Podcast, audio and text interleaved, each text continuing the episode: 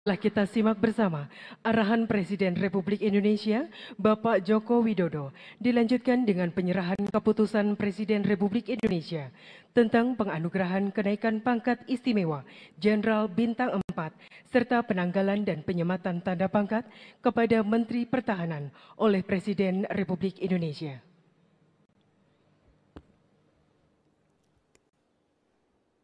Bismillahirrahmanirrahim. Assalamualaikum warahmatullahi wabarakatuh. Selamat pagi, salam sejahtera bagi kita semuanya. Shalom, Om Swastiastu, Namo Buddhaya, Salam Kebajikan. Yang saya hormati Wakil Ketua MPR RI, yang saya hormati pimpinan DPR RI yang hadir, yang saya hormati para Menteri Kabinet Indonesia Maju hadir bersama saya, Pak Menko Polhukam, Pak Menhan, Kepala Staf Kepresidenan, yang saya hormati Panglima TNI dan Kapolri, beserta seluruh Kepala Staf Angkatan, para peserta Rapim TNI Polri yang saya hormati, Bapak Ibu hadirin undangan yang berbahagia. Pertama-tama saya ingin menyampaikan ucapan terima kasih yang sebesar-besarnya kepada seluruh jajaran TNI dan Polri yang telah menjamin keamanan, yang telah menjamin ketertiban selama pelaksanaan pemilu sehingga pemungutan suara dan penghitungan suara berlangsung dengan aman dan damai. Walaupun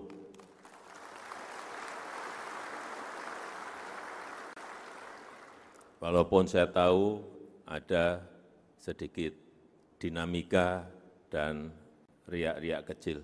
Itu biasa dan wajar dalam kita berdemokrasi, perbedaan pendapat, perbedaan pilihan itu juga sangat wajar dalam demokrasi. Namun perlu juga saya ingatkan masih ada beberapa tahapan pemilu sampai Oktober nanti yang perlu langkah-langkah proaktif untuk menetralisir residu-residu politik, untuk memitigasi disinformasi-disinformasi pemilu, serta menjaga kerukunan, menjaga persatuan kita sebagai sebuah bangsa dan negara. Jajaran TNI Polri yang saya banggakan, yang saya cintai. Tantangan yang kita hadapi sekarang ini bukan tantangan-tantangan yang mudah, bukan hanya tantangan di dalam negeri, bukan hanya tantangan di domestik, tapi justru yang paling berat adalah tantangan eksternal, tantangan global yang sangat rumit, juga bisa berdampak signifikan pada situasi ekonomi dan situasi sosial di dalam negeri. Kita tahu ketidakpastian ekonomi masih belum jelas, masih belum pasti. Geopolitik dunia juga sulit dihitung, sulit dikalkulasi. Landscape ekonomi, landscape politik dunia juga sulit dikalkulasi, sulit dihitung. Kita tahu konflik di Ukraina belum selesai, datang konflik Gaza, ada tambahan Yaman, sehingga menyebabkan inflasi pangan melanda dunia. Kita tahu kalau dulu banyak yang menawarkan kepada kita, misalnya beras, Hampir semua negara produsen beras menawarkan berasnya kepada kita. Sekarang ini kita mencari beras ke negara-negara produsen itu juga tidak gampang dan tidak mudah.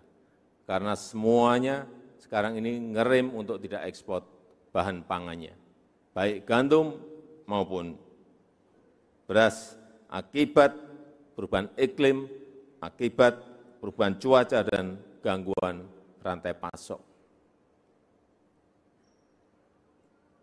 Dan sudah banyak negara yang masuk dalam jurang resesi. Terakhir kita tahu Inggris sudah masuk ke resesi, Jepang sudah masuk ke resesi, dan probabilitas resesi sudah melanda negara-negara besar. Sebagai contoh, Jerman sudah di angka 72 persen. Kemungkinan bisa masuk ke resesi. Uni Eropa, EU juga sudah di angka 60 persen. Amerika di angka 40 persen. Dan kita, ini patut kita syukuri, probabilitas Indonesia masih di angka satu setengah persen. Ini yang harus terus kita jaga.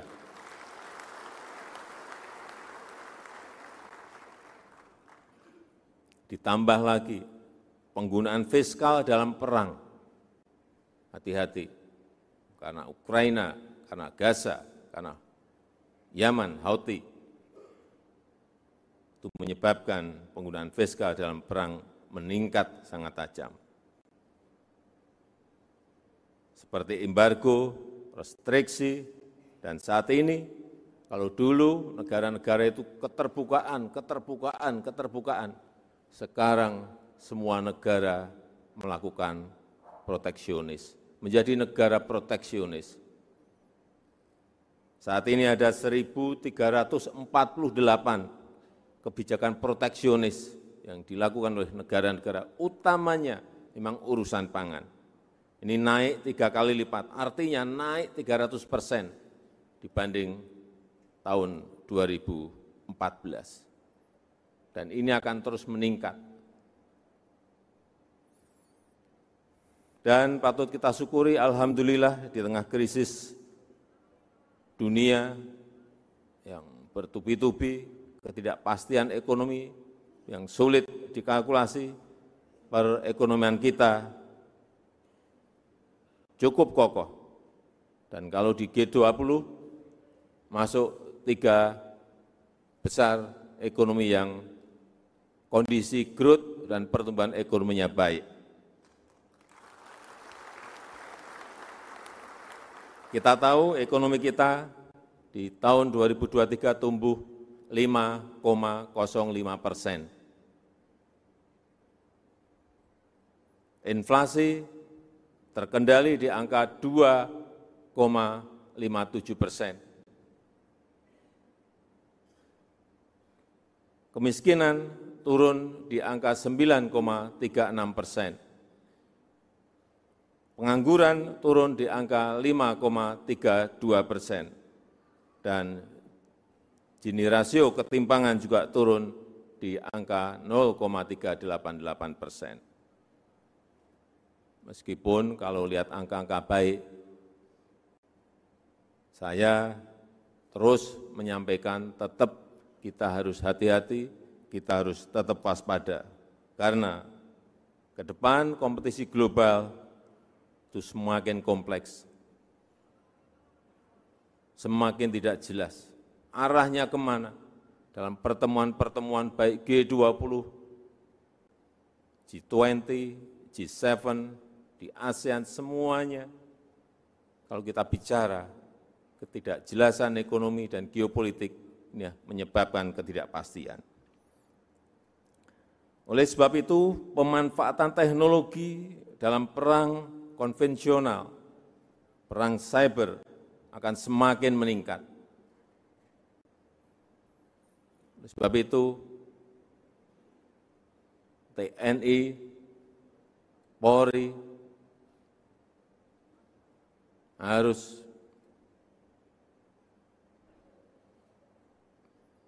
berani masuk ke hal-hal yang berkaitan dengan teknologi. Pesawat tempur perlu, iya. Tank perlu, iya. Tapi hati-hati juga dengan drone. Saya ingat di tahun 2020, bulan Januari,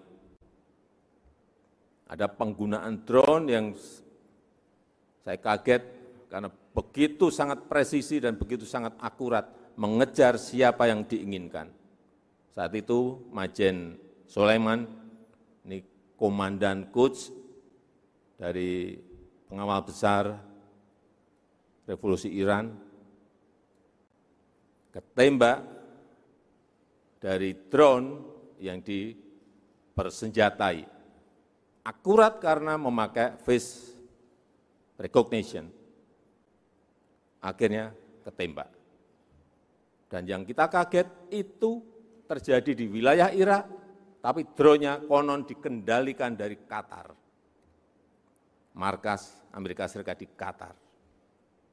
Inilah hal-hal yang harus kita ikuti, kita amati bagaimana perkembangan teknologi itu bisa merubah dari perang yang konvensional ke perang-perang yang bisa dikendalikan dari jarak jauh. Oleh sebab itu penguasaan iptek jelas akan semakin dibutuhkan TNI Polri harus menjadi pembelajar yang aktif, pembelajar yang adaptif. TNI Polri juga harus mampu melakukan deteksi dini, mengambil langkah antisipasi, memperkuat profesionalisme dan pelayanan terhadap masyarakat, memperkuat nilai-nilai TNI prima, Polri yang presisi, serta kemanunggalan dengan rakyat. Sinergi TNI dan Polri sangat mutlak diperlukan. Sinergi horizontal antar kesatuan, sinergi vertikal dari atas sampai bawah. Hilangkan yang namanya ego sektoral, hilangkan sekat dan pandangan-pandangan sempit. Semuanya harus untuk bangsa dan negara. TNI Polri harus menjadi bagian penting untuk menyongsong Indonesia Emas 2045. Karena kita berpeluang besar untuk menjadi negara maju dan keluar dari middle income trap. Dan momentumnya adalah 15 tahun ke depan.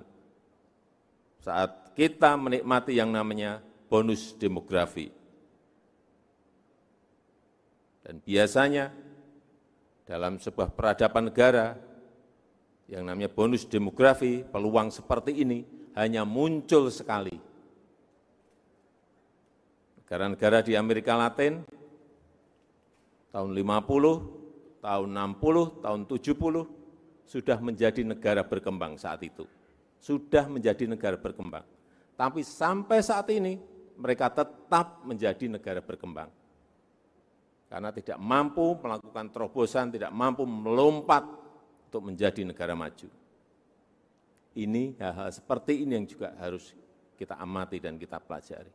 Supaya kita tidak terjebak pada middle income trap. Ada peluang tapi juga tantangannya tidak kecil. Sehingga semua kebijakan-kebijakan harus hati-hati Pembangunan harus dilakukan berkelanjutan, harus dijalankan secara konsisten, ini yang penting, dan harus dikawal dengan detail dan teliti.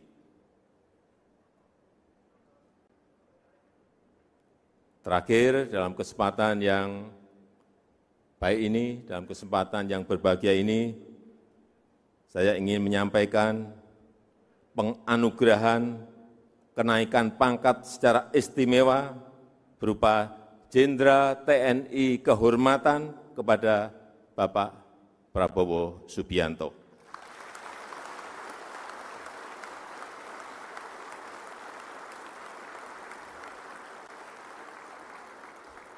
Penganugerahan ini adalah bentuk penghargaan sekaligus peneguhan untuk berbakti sepenuhnya kepada rakyat, kepada bangsa, dan kepada negara. Saya ucapkan selamat kepada Bapak Jenderal Prabowo Subianto. Saya rasa itu yang ingin saya sampaikan dalam kesempatan yang baik ini. Terima kasih. Wassalamualaikum warahmatullahi wabarakatuh. Hadirin dimohon